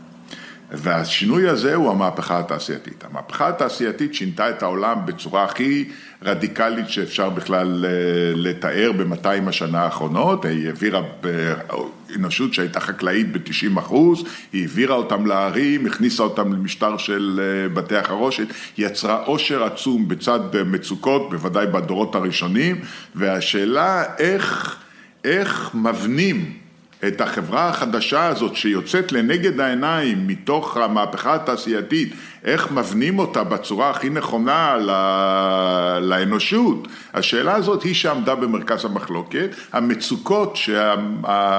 המצוקות וההישגים של המהפכה הזאת הם אלה שעמדו במרכז הדיון וכאן היו לנו שלוש תשובות שנלחמו זה בזה מלחמה אידיאולוגית, לפעמים מלחמה אידיאולוגית אלימה, ובוודאי על כל פנים מלחמה אידיאולוגית מאוד מאוד אינטנסיבית במשך 200 שנה. עכשיו, גם התשובות האלה, לפחות בתחילתן, התחזו לתשובות שהן תשובות שבנויות על ניתוח רציונלי של המציאות. נכון. כלומר, לא... ישבו אנשים, אמרו, אנחנו מביטים במציאות הזאת, וכפי שאנחנו מבינים אותה, אלה ואלה המרכיבים שלה, אלה הגלגלים שמניעים אותה, כך וכך צריך לעשות בה. נכון, כמובן לכל אחד מהאידיאולוגיות היה גם מרכיב ערכי, אבל לכל אחד מהם היה פרשנות של העולם שמתייחסת לעובדות, כמובן, ופרשנות של העולם שמתייחסת ליכולת אה, העובדות, גם הנוכחיות וגם אה, דרך לעובדות עתידיות. מהו, איך מגיעים למודל אה, שאנחנו רוצים להגיע אליו, זה גם כן דורש שורה של צעדים אה, עובדתיים, ואנחנו יודעים שבכל אחת מהאידיאולוגיות האלה היה אה, מחויבות אדירה לעובדות, גם כשהעובדות לאורך זמן טפחו על הפנים. אה, כמובן, הדוגמה המרקסיסטית היא הדוגמה הכי... אה, כן, יש, כי... יש קומוניסטים בעולם, למרות שבצד הלא קומוניסטי אומרים, הרי כבר הוכח שזה לא עובד. אז באמת הקומוניסטים אה, נשארו מאוד... יחסית מעט. כן, נשארו כאלה אידיאולוגים דוגמטיים, קנאים, שרידים של הדבר הזה, זה, זה נשאר בתור אפיזודה, אבל גם בתקופה שהמרקסיזם היה בשיאו. היכולת להכחשת עובדות, זו שקסלר קרא, קרא, קרא לרומן שלו, שזה אפלה בצהריים. שאתה תגיד שבחוץ זורחת השמש, כשכבר ברור לחלוטין שבחוץ זה אפלה. ההתכחשות לכל הזוועות שהתחוללו תחת המרקסיזם. אנחנו לא מדברים רק על שנות ה-30 וה-40, אלא לאחר מכן בשנות ה-50, כאשר אינטלקטואלים מובילים, אה, סארטר בצרפת ובכלל כל המציאות האינטלקטואלית בצרפת של שנות ה-50 וחלק גדול מה-60 הייתה לחלוטין אל המרקסיזם, כל פשעיו הם אה, לטובת, ה, לטובת המטרה הסופית של הישועה שהשיטה הזאת עתידה להביא, כמובן בדרך, אה, בדרך כמו שאמר ראש המשטרה החשאית של סטלין, כשחוטבים עצים ניתזים שבבים, אז כל זה אין מה לעשות, כשעושים דבר גדול אז, אז, אז, אז הכחשה של עובדות לגבי מה המצב בברית המועצות, לגבי מה המצב בגוש הקומוניסטי, הדבר הזה היה, הגיע לממדים פנומנליים. כן, הזכרת את סארטר ואת האינטלקטואלים, נדמה לי, אם אני זוכר נכון, אתה מצטט בספר את אורוול. שאומר שיש דברים שהם כל כך מופרכים שרק אינטלקטואלים מסוגלים להאמין בהם. אתה, אתה מקדיש מקום בספר לקיבעון, לקיבעון של אינטלקטואלים. לכאורה הרי הקיבעון זו מחלת ההמון. ההמון הנבער שהולך אחר אה, בדברי ההבל שהוא שומע. למה צריך לטפל בנפרד באינטלקטואלים? אז אה, קודם כל הציטוט שציטטת מאורוול, יש לי הרגשה שהוא חביב על שנינו. אה, זה ציטוט שאומר, אה, שאומר, כן, כמו שאמרת, שהעובדה הזאת היא כל כך מופרכת שרק אינטלקטואלים יכולים להאמין בה, שום אדם רגיל לא יאמין לשטות כזאת. אז אה, וכאן, כמו שאנחנו זוכרים, גם רמון אהרון כתב ב-1955 את הספר האופיום של ההמונים. אה, האופיום של האינטלקטואלים, סליחה, כן. על בסיס האמירה כן, של מרקס. של ההמונים זה של מרקס, כן. כן, שכאילו הדת היא האופיום של ההמונים, אומר, אה, אומר אהרון שהמרקסיזם שהפך אז ממש לדת אצל האינטלקטואלים בצרפת, זה האופיום של האינטלקטואלים. ויש עוד, אה, זה, יש את האמירה המפורסמת של אותו שמרן אמריקאי שאומר שאומר 300 האנשים או 100 האנשים הראשונים בספר הטלפונים של, אה, של קמברידג' ומסצ'וסטס ולא הפקולטה של הרווארד. אז אה, יש כאן אה, באמת טענה שהיא מתחזקת על ידי ההיסטוריה של, של ההיסטוריה, שמראה לנו שאינטלקטואלים הם במובן אולי אפילו יותר רחב מקבוצות אחרות, אבל בוודאי הם אלה שיש להם את הגישה הגישה למסרים האינטלקטואליים שמגיעים לציבור הרחב דרך מערכות ה... דרך מערכות החינוך הגבוה, דרך המדיה, דרך אה, וכדומה, שהם, קודם כל ההיסטוריה מוכיחה שהם עשו המון טעויות, אה, קשות מאוד. אה, וכשמנסים להבין למה הדבר הזה, אז יש שורה של תשובות שהוצאו בזמנו, בין היתר על ידי אהרון וגם על ידי אחרים, והן ידועות, העובדה של האינטלקטואלים יש איזה סוג של היבריס מקצועי, שנובע מהעובדה שקודם כל אה, הנייר, אה, כמו שאומרים בגרמנית, סובל הוא הכל. סובל הכל, והוא הרבה יותר סלחני מאשר העולם מבחינת היכולת לעצב דברים, יש להם את ההרגל לדבר מהקתדרה. לסטודנטים יחסית כנועים. בעצם מה שאתה אומר, כלומר, אני אשאל את זה כשאלה פוזיטיבית.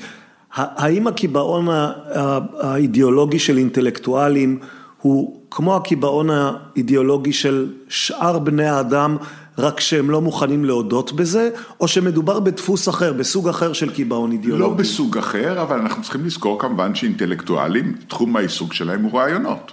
במובן הזה, אתה יודע, במובן הזה יש סיכון מקצועי לכל, לכל תחום. אם אתה כדורגלן, אז הסיכון המקצועי שלך הוא מיניסקוס. אם אתה אינטלקטואל, אז הסיכון המקצועי שלך הוא ה-ideological אתה עוסק ברעיונות, זה התחום שאתה, שהוא תחום ההתמחות שלך, זה התחום שבו יש סכנה באמת של התמכרות לכל מיני חזונות ישועה. מכל מיני סוגים, יש לך טענה לרגישות חברתית, ליכולת אינטלקטואלית יותר גבוהה, הערכה עצמית שלך היא כזאת, ההמונים לא מבינים מה שזה, אבל אתה מבין, אה, זה לא בהכרח לא תמיד נכון, כמובן יש גם את הסכנה ההפוכה, הסכנה ההפוכה היא אותו סוג של אנטי אינטלקטואליות, שיש מי שיגיד שאינטלקטואלים הרוויחו אותו בצדק, אבל, אבל התוצאה שלו יכולה להיות לא פחות קטסטרופליות, לא פחות קטסטרופלית, גם צריך גם כמובן להגיד שאינטלקטואלים גם תרמו לשורה של מאבקים אה, חשובים, בין היתר ביחס לאפליה הגזעית בארצות הברית ול, ולנושאים אחרים, אה, וכאילו במובן הזה יש להם כאילו תפקיד שהם לא, לא אמורים לשתוק במציאות החברתית, אבל הם צריכים להיות זהירים. כשהם קוראים את הספר שלך, והרי הספר שלך מיועד במידה רבה לאינטלקטואלים, הם יאמרו לעצמם, הוא צודק מאה אחוז אבל אני לא כזה, או שהם יאמרו לעצמם, הוא טועה. אני חושב שהם יאמרו לעצמם כל מיני דברים, בין היתר הם יגידו, אתה יודע, מה הוא מבלבל את המוח, אה, כל הדברים שהוא כותב, אנחנו לא, לא כל כך עבדנו, דיברנו על הנושאים שבהם אני מציף בנושאים הנוכחיים, שבהם נושאים כן, שבהם... כן, אני, אני כן, מיד רוצה לגעת בזה, כן. אז אני מניח שחלק פשוט לא יקבלו את הטיעונים, אה, בין אם הם באים מהצד הזה ובין אם הם באים מהצד הזה, אה, יגידו מה הוא מבלבל את המוח ומה הוא מתנשא עלינו. אה, חלק אה, אולי יהיו פתוחים אה, יותר, מה שלא אומר שמחר בבוקר, מהניסיון שלי עם אנשים... הם ישנו את עמדתם. הם ישנו את עמדתם, מהניסיון שלי עם אנשים אינטליגנטים, קרובים, חברים וכך הלאה, האפקט הוא קרוב לאפסי, גם אין לי אשליות בעניין הזה. אולי אנשים, אתה יודע, אולי על חלק מהאנשים היותר, חלק מהאנשים אולי זה קצת יש. אז, אז בוא, בוא תבחר דוגמה, כלומר בוא, בוא, בוא נעשה, אה, אז יש, נבחר אני, קייס אחד. כן, אז אני בחלק האחרון של הספר באמת עוסק ב, בשלושה נושאים. שלושה נושאים, יש שלושה פרקים על שלושה נושאים. כן. האחד במה שתחושת האשמה של המערב ביחס ל, ליתר העולם, מה שנקרא The West אה, versus the Rest, שזה נושא מאוד חם. בחברות המערביות וגם בחברות שמחוץ למערב. הנושא השני שאני עוסק בו זה לגבי נושא הלאומיות, האם הדבר, האם זה רגש אמיתי, שלא לדבר על שאלה של הלגיטימיות שלו, אבל קודם כל אם הוא רגש אמיתי או רגש מזויף ומומצא, כמו כן, ש... כן, על לאומיות כתבת גם ספר נוסף, ספר כת... קודם. כתבתי על זה ספר אה, ב-2000, שיצא ב-2013. 13 שוב פעם לפני הגל הגדול של הלאומיות שהתפרץ אחר כך. כן. אז במובן הזה זה כאילו חש... אולי אתה כן נביא, קודם אמרת שאתה לא נביא, אולי אתה כן נביא. זהו, אז אולי אני, כן, אתה יודע, לא, לא, אז לא ציפיתי למה שיקרה, לא יכול להגיד שצפיתי את זה, אבל מה שכן הרגשתי זה בהחלט בלקונה האינטלקטואלית שקיימת לגבי הבנת התופעה. והיא אחר כך התפרצה פתאום אה, מזה. כנראה שה, שהפער היה כזה שבסופו של דבר הוא הגיע להתנגשות, ונושא שלישי שאני עוסק בו זה באמת אה, השאלת ההבדלים בין המינים. כן, אתה, אתה עובר בעצם מהשאלה, שאלת הציוויליזציה, לשאלת השבט, לשאלת הביולוגיה. משהו כזה, אפשר להגיד ככה, למרות שכל אחת מהשאלות האלה, אתה יודע, היא מעורבבת בכל הזה. אז לא יודע, אולי ניקח את שאלת האשמה של המערב ביחס ל... יאללה, נלך. זה לחלוטין מקובל שהמערב... גזענות, קולוניאליזם. לגמרי, גזענות, קולוניאליזם, כיבוש, אה, התנשאות, כל הדברים האלה. הרי עכשיו אמר בהקשר של קטאר, כששאלו את, נדמה לי, הנציג של פיפ"א מארגנטינה, נדמה לי, אם אני לא טועה, לגבי המשחקים בקטאר, הוא אמר, המערב אשם בשלושת אלפים שנה של עוולות לגבי יתר העולם, שיתחיל קודם בזה שהוא יגנה את עצמו לפני שהוא הולך... מגנה את קטאר על, כן, על התרבות שלה. אז בדבר הזה מעורבות כל כך הרבה הטיות בהבנת המציאות, שאתה יודע, אנחנו נמנה אותם עכשיו כי... בשביל זה אנחנו פה, אז נמנה לפחות חלק מהם. אז קודם כל, יש בהם, מקופלת בהם ההנחה, לא תמיד מספיק מפורשת, אבל מאוד רווחת, שהחברות כאילו המקוריות, האבוריג'ינל כמו שנקרא, היו חברות של, של שלווה והרמוניה יחסית. זה הפרא האציל. הפרא האציל, התפיסות הרוסואיסטיות שמאוד התחזקו במאה ה-20 עם הביקורת על הציוויליזציה המודרנית. וכדומה. וזה... כלומר, בא המערב והשחית, היו חברות מושלמות, נפלאות בכל מיני מקומות, בא המערב והשחית אותן. נכון. והתמונה הזאת היא כל כך מעוותת, שאתה יודע, בואו לפחות נגיד את זה בקיצור. כל החברות האלה היו חברות שבהן הפרה-מודרנ... יש אידיאליזציה של הפרה-מודרניות, כאילו איש תחת גפנו ותחת תאנתו, ישבו, אמנם היה כל מיני קשיים, אבל כדומה. אז קודם כל, כל החברות האלה הן חברות שחיו בתנאים, קודם כל נתחיל מהתנאים החומריים של מחסור חריף על סף הרעב עם כל, ה, עם כל הזה, הם, זה, אלה היו חברות מעמדיות שבהם היה ניצול ברוטלי וחריף מצד האליטות של האוכלוסיות, אלה היו חברות שהיו נתונות קבוע במצב של מלחמה זה, זאת בזאת, זה בזה. ואלה היו חברות שבאופן רגיל, כיבוש אימפריאלי, שיעבוד וכך הלאה, היו לחם חוקם. מה היה כל המזרח התיכון אם לא הדבר הזה שבו אימפריות קמות ונופלות, משעבדות זו את זה ושולטות בכוח דיכוי נוראי, זה לא רק המזרח התיכון, כל חלק של העולם שתיקח אותו. עכשיו המערב, סביב עליית המערב, התחיל להצטיין בדברים האלה יותר מאחרים בעת החדשה המוקדמת, זאת אומרת בהצלחה שלו ליצור כזה סוג של אימפריות, אבל בדיוק זה המערב. אבל זה בא בזכות קדמה טכנולוגית כן, מואצת. נכון, אבל המערב בדיוק בהיבט הזה, במהלך, בוודאי במהלך המאה ה-20, בדיוק הוא זה ששם קץ מתוך, מתוך שורה של תובנות ליברליות, חלקם נורמטיביות, חלקם כלכליות, חלקם אחרות, שם קץ לאימפריות, הוא שם קץ, הוא שם קץ לעבדות שהייתה תופעה אוניברסלית, לתשומת לב של אומת האסלאם בארצות הברית, סחר העבדים הערבי והאסלאמי מאפריקה היה, הוציא מאפריקה כנראה אוכלוסייה של, של אפריקאים לא פחות גדולה מה, מה, מה, מסחר העבדים הנורא של המערב, האימפריה העות'מאנית ושלוחותיה בצפון אפריקה חטפו מיליונים של אירופאים לעבדות מאוקראינה, מרוסיה, מחופי הים התיכון, מסקנדינביה, מיליונים. זאת אומרת שעבוד לעבדות היה חלק בלתי נפרד מהעולם הפרה-מודרני, הדבר, היח... מה שמציין את המערב זה בדיוק זה שהוא ביטל את כל המקומות, כולל במזרח התיכון, כאשר הוא השתלט עליו עם הביטול. המדינות היחידות שבה נשאר עבדות עד שנות ה-60 זה בערב הסעודית, במאוריטניה, חלק מזה, ו...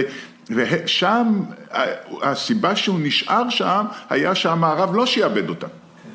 אז, אז עצם השיח הזה שאומר שקיים היום של המערב המשעבד ושל הזכות להגדרה עצמית, כל זה זה דף שנלקח מתוך המורשת המערבית, האליטות בקולוניות לשעבר שקיבלו חינוך מערבי, התחילו להעלות על נס את ההגדרה העצמית ואת הפריקה של העליונות המערבית מתוך זה שהם הפנימו בדיוק את הסוג הזה של הערכים הערבים. בהודו למשל, כל ההיסטוריה של הודו היא היסטוריה של אימפריות משעבדות ויותר מזה, של ניצול אכזרי בוטה של השכבות העממיות על ידי האליטות שלהם. הראג' הבריטי בהודו למשל, הוא זה שהנהיג לא רק את איחוד של הודו, שמעולם לא הייתה מאוחדת, אלא מערכות צדק ואדמיניסטרציה הוגנות, נקיות כפיים, שזה המורשת ל... להודו המודרנית, במקום ש... שלא לדבר על שהוא אסר שריפת אלמנות וכל הדברים היפים של החברה המקורית זה, אבל, אבל את כל אותם הנכסים שהוא הוריש להודו המודרנית. כן, אז, אז איך מכל זה נולדה אשמת המערב? ואיך זה קשור לקיבעון אידיאולוגי. יפה, אז קודם כל אשמת המערב נובעת באמת בדיוק מהסוג הזה של התובנות שעברו מהמורשת הנוצרית של המערב לראיית ההשכלה, זאת אומרת למורשת הנוצרית של המערב יש תפקיד חשוב בזה שאנחנו צריכים לעשות כל הזמן soul searching.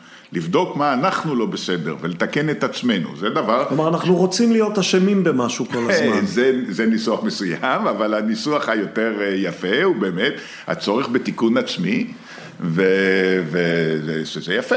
אה, באופן עקרוני, הצורך בתיקון עצמי, קשוט עצמך תחילה, אה, כל הדברים האלה, תהיה ער לזה שאנחנו, שיש לך הטיה לטובת עצמך, שהיא דבר, אה, דבר שאי אפשר, אה, אפשר לבטל אותו, להתעלם ממנו, אבל שהוא לא צריך להשפיע בשאלות אה, מוסריות כבדות משקל, אנחנו צריכים זה וכדומה, והשאלה, והמורשת הזאת של הנצרות עברה במידה מכרעת אל תוך ראיית ההשכלה, שמאוד ניסתה לנקות את ההשפעה של האינטרס העצמי על הערכה שלה של העולם. וכפי שהביטוי האנגלי-אמריקאי אומר, הדבר הזה לפעמים מביא להתכופפות אחורה מרוב מאמץ להיות אובייקטיבי. כן, אז, ו- ואת כל הדבר הזה בוא נקשור עכשיו לקיבעון אידיאולוגי. כלומר, אתה משתמש בדוגמה הזאת בספר, אתה מקדיש לה פרק שלם, אתה מנתח אותה לעומקה, מה זה שייך לקיבעון אידיאולוגי?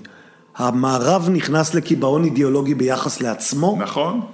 חלקים גדולים במערב, כמובן הדבר הזה מכיוון שהוא הגיע לממדים אבסורדיים, זה פחות או יותר, אה, הוא הביא לתגובת נגד.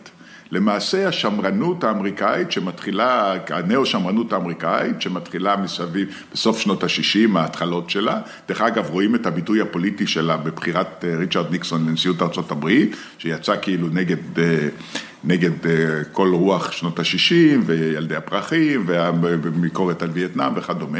כן, אנשים שוכחים, אבל ניקסון לא רק נבחר פעם אחת, הוא נבחר גם פעם שנייה ברוב עצום. ברור, ברור, והמורשת הזאת התגבשה אחר כך במהלך שנות ה-70 כתורה אה, אידיאולוגית אה, שלמה, שהיא יצאה כנגד מה שאנשים תפסו כגילויים, אה, כמעט אפשר לומר, לא, אי אפשר, אפשר לומר שהם כך ראו את זה, כגילויים מטורפים.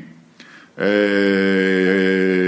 מנותקים מהמציאות של זה, אנחנו זוכרים את אותה סיסמת בחירות במערכת הבחירות של רייגן, ש- they always blame America, כן, כן כאילו אמריקה היא אשמה בכל הדברים, בעוד שניתוח שאין לנו זמן להיכנס אליו, מראה כמה כולנו חייבים לאמריקה בכל העיצוב ובכל ניצחון הדמוקרטיה במאה ה-20 וכדומה, עם כל הבעיות העמוקות והידועות, שני הדברים האלה הם לא סותרים אחד את השני, הם עומדים זה בזה.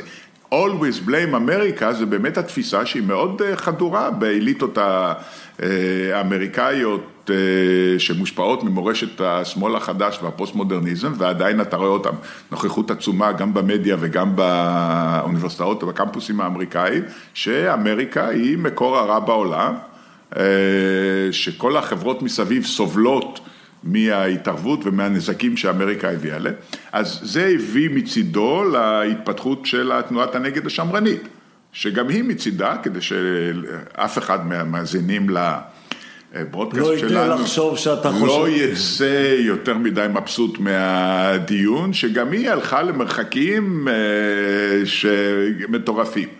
זאת אומרת, שני הצדדים מטריפים אחד את השני. בעצם מה שהפרק שלך מנסה לומר זה שהדיון הזה על אשמת המערב הפך לקו שבר יסודי בין שני מחנות שכבר לא מסוגלים לפענח את המציאות באותו אופן. נכון. ולא מסוגלים, לא מסוגלים לסבול אחד את השני, הרי זאת תוצאת הזה. באמריקה למעשה אנחנו חיים היום במציאות של אה, מלחמת אזרחים קרה. אה, אם אפשר היה לחלק את היוניון, זאת אומרת, אם הם לא היו מספיק מעורבבים, יכול מאוד להיות שהם היו עושים את זה. וזה לאחר, ש... זה לאחר שני, שני עמודי תווך היסטוריים, שני עמודים בהיסטוריים, בשנות ה-60 רווח הדיון הזה של קץ האידיאולוגיה, שהנה כולם הגיעו פחות או יותר למחנה שווה. וכמובן בסוף שנות, בשנות התשעים הרעיון הזה של קץ ההיסטוריה, שכל כולו הרעיון של פוקויאמה, שכל כולו זה ששתי האידיאולוגיות הקלאסיות האחרות, פשיזם וסוציאליזם פשטו את הרגל, נשארנו רק עם ליברליזם. אבל הנקודה היא שהתברר שבתוך מה שנתפס כגוש, כמחנה הליברלי דמוקרטי קפיטליסטי, נבעים אה, סוג של יריבות שמזכירה את מלחמות הדת. אנחנו במידה מסוימת חזרנו למלחמות הדת, אה, בארה"ב זה עוינות אה, שלא תתואר וארסיות שלא תתואר, וכמובן יש לזה ביטויים פוליטיים ואחרים. כן, ואתה אומר ארה"ב, ארה"ב, ארה"ב, אומה אצלנו, כלומר, האם אתה, האם אתה מזהה את סימני... תראה, אני לא חושב שיש הרבה אה, ישראלים שמעסיקים את עצמם בשאלת אשמת המערב. כי ישראל עצמה הרי חשודה כמי ששייכת לאותן קבוצות שהן עדיין קבוצות מדכאות. אז הישראלים מוצאים את עצמם כולם באותו מחנה ביחס לאשמת המערב, ולמרות זאת הדים של הוויכוח ההוא נמצאים גם בפוליטיקה הישראלית או כן, בדיון בוודאי, החברתי הישראלי. בוודאי, יש חלק מהאליטה, אתה יודע.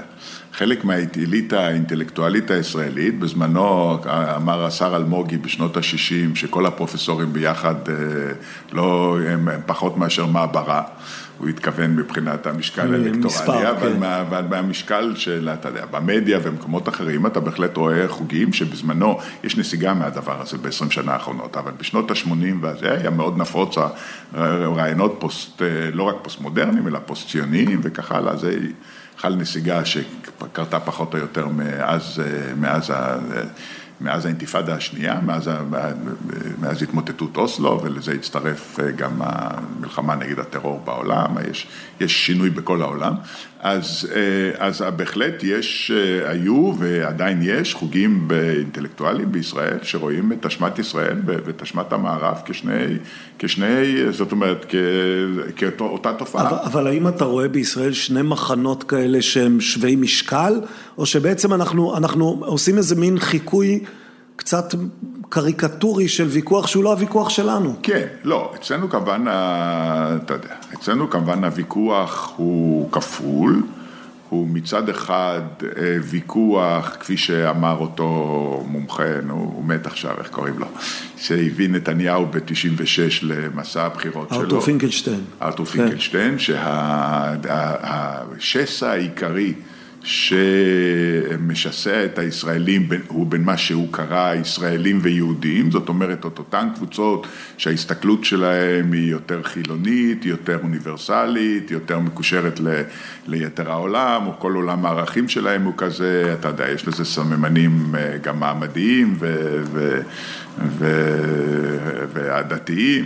אה, כמובן לא בזהות מושלמת, אבל קיים אה, ממטעם אה, לא מבוטל, לבין אותם חוגים שחלק מרכזי בזהות שלהם היא הזהות היהודית, המסורתית, לאו דווקא דתית, אבל סוג של חיבור יותר רגשי חם לכל האלמנטים הזה, ויותר חשש שהדברים האלה נמצאים במצב של שחיקה. אז סביב השסע הזה נבנה עוד הרבה דברים, ולזה הצטרף. זה שסע אמיתי או שזה שסע שפוליטיקאים פשוט מייצרים אותו לתועלתם הפוליטית? אני חושב שלא צריך להפריד בין שני הדברים האלה. פוליטיקאים נכנסים לתוך אה, מציאות, אה, הם, הם מנצלים דברים שאותם אפשר לנצל. אז אם, אם לא קיים סוג כזה, הלוא כשפינקלשטיין ניגש לדבר הזה, הוא לא, הוא ניגש לאבחן קודם מצב שאחר כך בנו עליו אסטרטגיה. אבל הוא, בסקרים שלו הוא מצא את זה כנקודה הזאת שעליה ניתן לבנות אסטרטגיה. אז כמובן, יש לפוליטיקאים יש חלק משמעותי בהקצת... כלומר, אבל יש איזון חוזר, ברגע שהוא זיהה את המקום הזה, אחר כך הוא מחמיר אותו. לגמרי. אז זאת השאלה האחת, שהיא כמובן מאוד משמעותית, והשאלה השנייה זה באמת הסכסוך עם, בראש ובראשונה עם הפלסטינאים, והשאלות שעולות uh, סביב הדבר הזה, זה כש... שהקצינו עם ההתמוטטות של אה, אוסלו, ואחרי זה כל האכזבות וה, והדברים שעברנו מאז, שכאשר לשני הצדדים יש היגדים מאוד, מאוד משמעותיים, תקפים, לגבי המציאות הזאת, זה לא אומר ששניהם צודקים באותה מידה, אבל הנקודה היא ששני הצדדים לא מוכנים, מתקשים מאוד להכיר באותם אלמנטים של המציאות שהצד השני מצביע עליהם. הספר שלך הוא בעיקרו ספר אינטלקטואלי, כלומר הוא באמת צולל לביולוגיה ולפילוסופיה ולתהליכי עומק. אבל יהיו אנשים שיקראו אותו ויגידו, טוב, עכשיו מה, איזה מדיניות אני מייצר מתוך הספר הזה? אני, אני רוצה לשפר את המצב, אז מה אני עושה? אז קודם כל, אל תפחיד את הקוראים, זה הכל, אתה יודע. לא, אני לא, אני לא מפחיד אותם, אני קראתי אותו בהנאה גדולה. לא, לא, לא, אני צוחק. אתה יודע, הוא עוסק גם בהרבה, הוא עוסק בהמון חומרים של המציאות בשאלות שממש... של ימינו, נכון, של ימינו. כן, שזה נכון שהוא לא, אתה יודע, הוא קצת למטיבי לכת, אבל לגבי השאלה מה אפשר לעשות... תראה, אני, אני עוסק עכשיו במסגרת של כל מיני פרויקטים בשאלה של האתגר של החברה החרדית לישראל. עכשיו נניח אחד, אחת התופעות שאנחנו נתקלים בהן, אני, אני בכוונה עושה את זה קונקרטי, אחת התופעות שאנחנו נתקלים בהן זה שבאים כלכלנים ממשרד האוצר ואומרים תראו התרומה של החברה החרדית לכלכלה הישראלית היא תרומה נמוכה ובעייתית וצריך לשפר אותה.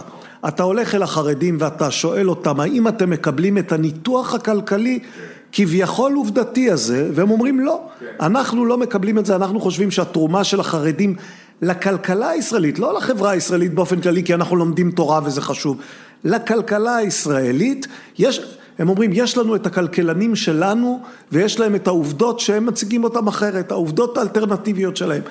עכשיו איך אני, איך אני הופך את זה למדיניות? תראה בשביל להפוך את זה למדיניות, אתה צריך להתמודד לא רק עם, לא רק עם תפיסת העובדות של הצדדים, שהיא בלי שום ספק מושפעת מהמקום שבו הם עומדים, ואצל החרדים זה עוסק בציפור, בציפור נפשם, הם מעוניינים לשמר את הזה. אז ברור שהניתוחים האלה מושפעים מהתפיסות המנוגדות ביחס לכיוון הרצוי של הצדדים, ולגבי... אז, לגבי המדיניות, כל כמה שאתה הולך, זאת שאלה פוליטית, אתה צריך לתמרן. אני יכול לשכנע רגע. את החרדים שהם טועים? כל הסבירות שלא. בעצם הרבה יותר קל לנו להסכים על שאלות קונקרטיות ולא לא להעלות מהן את הקומה למעלה למשהו שמכסה תפיסת עולם. כי נכון. ברגע שאתה נכנס לתפיסת עולם וזהות, אתה, אתה נתקל בקיר. נכון, אבל צריך להגיד שגם לגבי השאלות הבדידיות האלה תהיה הרבה התנגדות מהצד, מהצד שחו, שמניח בצדק. שמאחורי, ה... שאם אתה מקבל את השאלות העובדתיות, אז אתה אולי דוחף אותו לכיוון מסוים. למרות שבמישור הזה הוא יגיד לך כן. נכון, הגברים החרדים עובדים הרבה, שיעור התעסוקה אצלם מאוד נמוך, אבל הם עושים דבר שמקיים את עם ישראל ומקיים את העולם. הם מקיים את העולם, ברגע שהם לומדים תורה זה נחוץ לקיום העולם. אז זו טענה שהיא, דרך אגב, טענה עובדתית, שאולי לא תסכים לה, אבל, אבל... זו גם טענה שאי אפשר לבדוק, כי כדי לבדוק אותה צריך שהם יפסיקו ללמוד תורה, ואת זה הם לא יעשו. כן, הם ייתנו לך דוגמאות מהעבר, אתה יודע, למה באה השואה, כי הפסיקו ללמוד תורה, למה זה... לא, גם יש סוג של ניסויים שאתה לא עושה, כלומר, אם אתה יודע שתפסיק ללמוד תורה והעולם ייחרב, אז אתה לא תעשה את הניסוי הזה. אבל יש מה שנקרא ניסויים טבעיים, זאת אומרת, ניסויים שקרו מבלי שזה, אז השואה היא סוג של ניסיון טבעי, הרי כשהחרדות נתקלת, לא צריך להגיד לך, החרדות נתקלת בבעיה עצומה להסביר את השואה, בין היתר משום שזה דווקא לומדי התורה. שהיה להם פחות סיכוי להינצל, כאילו כן. שליהודים אחרים היה הרבה סיכוי, אז יש את כל ההסברים האלה. זה ההשכלה הביאה לנו את האסון הזה, ואנחנו כולנו באותה סירה, והענישו את כולנו, ויש שורה של הסברים תיאולוגיים כאלה ואחרים. אז, אה, אז לכן, אה, כן, ככל שאתה עולה יותר, אבל גם במישור של העובדות האלה, כאילו היבשות, תיתקל במידה לא קטנה של התנגדות. כשאתה מסתכל על ישראל, ושוב, אני, אני חורג פה עכשיו מתחומי הספר שלך לדיון אקטואלי לקראת סיום, כשאתה מסתכל על ישראל, אז, אז מה הדבר שיהיה הכי קשה לשכנע בו את מי?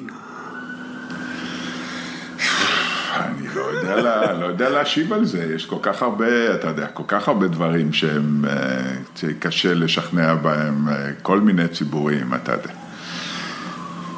אני לא, לא יודע להשיב על זה. זה, זה, וזה, זה גם, אתה יודע, זה נמצא במידה מסוימת של... תראה, כשהתפרצה האינתיפאדה השנייה, אז, אה, אז הקו המנחה אצל, אה, אצל אנשים שהיו במה שהיום מוגדר מרכז-שמאל, מי שהיו מושקעים בתהליך אוסלו מי לצורך שהיו העניין. מושקעים בתהליך אוסלו, כמובן, אלה שהיו, אתה יודע, אפילו לא, אפילו לא מחנה מרץ, אפילו חלק לא קטן ממצביעי העבודה דאז וכדומה, אז התשובות שהם אה, נטו והיו אה, מסוג המדריך ליונה פצועה, אה, שכתב ביילין, זאת אומרת, הניסיון האובייקטיבי להראות איפה הפעילות הישראלית תרמה לא פחות מאשר הפלסטינאים בכישלון התהליך, וכמובן הדגשת הצורך במהירות האפשרית לחזור לתהליך הפוליטי שרק הוא ופתרון שתי המדינות מאפשר את ה... מאפשר, יביא, אה, זאת אומרת, הוא הכיוון היחיד הפורה בדבר הזה. בסוף הפתרון יהיה מדיני. שזאת, עכשיו, בתור אחד שעבר את כל התקופה הזאת וגם היה מתומכי הסדר אוסלו, ודרך אגב, אני עדיין בעד הסדר אוסלו מכל מיני סיבות, אז ההכרה במחנה הזה, שהבעיה עם הצד הפלסטיני הרבה, היא יותר עמוקה ממה שחשבנו. אה, כלומר ו- שזה לא אשמת המערב, לא אשמת ישראל רק כן, בעניין כן, הזה. שהפלסטינאים הם אה, מבחינת השאיפות שלהם, אה, פתרון שתי המדינות לא נמצא במרכז, ה, במרכז השאיפות שלהם, שהבעיה שלהם היא יותר עם 48 אלא- מאשר עם 67, ושהסיכוי להגיע להסכם עם פלסטינאים אחרי שהוא, אחרי ש... על בסיס גבולות 67 הוא נכשל שלוש פעמים על ידי, בשלוש יוזמות גדולות, קלינטון, בזמן אולמרט אבו מאזן ובזמן היוזמה של אובמה קרי, והוא לא נכשל במקרה, שיש כאן קושי הרבה יותר עמוק, ההכרה הזאת כן חלחלה לאורך זמן לתוך המחנה הזה שהיום מוגדר כמרכז שמאל, עם כל התהיות שהדבר הזה מעורר לגבי אם כך מה הלאה. אז ארגה, תודה. תודה לך.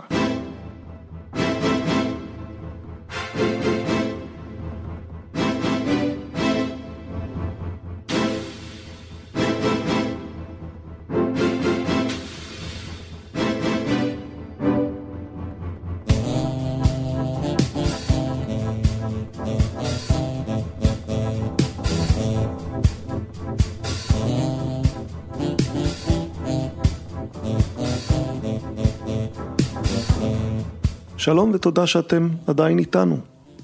הכיפות והשועל, מדף של ספרים ורעיונות לסקרנים ולסקרניות, קיפשו אקסטרה. מה אתם אומרים? מעת לעת נציע מהדורה כזאת. זה לא במקום, זה בנוסף להסכת הרגיל. בעוד כמה ימים, אולי באיחור קטן, כבר נחזור לכאן עם פרק סולו על צירופי מקרים. נזכיר לכם, בהקשר הזה, שבדיוק הוצאנו ספר חדש, סדרה של צירופי מקרים מוצלחים, ספר של שון בי קרול. אגב, במקביל, סיימנו לעצב את הכריכה לספר הבא שנוציא של שון אי קרול. כן, זה כמעט אותו שם, אבל מחבר אחר וספר אחר. זה יבוא בינואר. על המדף מחכים לכם גם הספרים שהוצאנו בקיץ ובסתיו. האם העולם באמת קיים? מסע פילוסופי פיזיקלי. שנית לא תיפול, שמיום ליום נראה יותר אקטואלי על ישראל במזרח תיכון גרעיני, וגם עשרה קיסרים, על רומא ושליטיה הכי מרתקים. באתר שלנו, kipshu.com, kipshu.com, תוכלו למצוא פרטים על מיזם הכיפות והשועל, על הספרים שלנו, תוכלו למצוא פרקים קודמים של ההסכת וגם את המאמרים שאנחנו מפרסמים מעת לעת. kipshu.com ואם אתם כבר שם, אנא הרשמו לניוזלטר. הוא יגיע אליכם, אנחנו מתחייבים רק פעם בחודש, כך שלא תרגישו מועקים, אבל ייתן לכם מושג על מה שאנחנו עושים ומה חדש אצלנו, וגם יהיו קצת הנחות על ספרים למי שנרשמו לניוזלטר. סדרת ההסכתים הקיפוד והשועל נעשית בשיתוף עברית, אתר התוכן הספרותי הגדול בישראל, המציע לקרוא בכל דרך ספרים דיגיטליים, קוליים ומודפסים. צוף וייסבוך מעברית מסייעת לנו, והיא עשתה זאת הפעם אפילו שהייתה עסוקה במעבר דירה. אז תתחדשי ובהצלחה וגם תודה. בעוד כמה ימים כבר אמרנו נהיה כאן עם פרק סולו, כמו בכל תחילת חודש, ובאמצע החודש יבוא אורח לדבר על שלושה ספרים. זהו, אנחנו מסיימים. כבר דצמבר, וזה אומר שאנחנו כאן אוטוטו שנה. תודה לכם שאתם ואתן מאזינים ומאזינות לנו. נשמח לקבל משוב, יש כתובת מייל באתר שלנו. ושיהיה יום טוב, שבוע טוב, חודש טוב, חורף טוב. אם אתם אוהבים כדורגל, תהנו ממנו. אם לא, נצלו את הזמן שהתפנה לקריאה. הכיפות והשועל, להשתמע.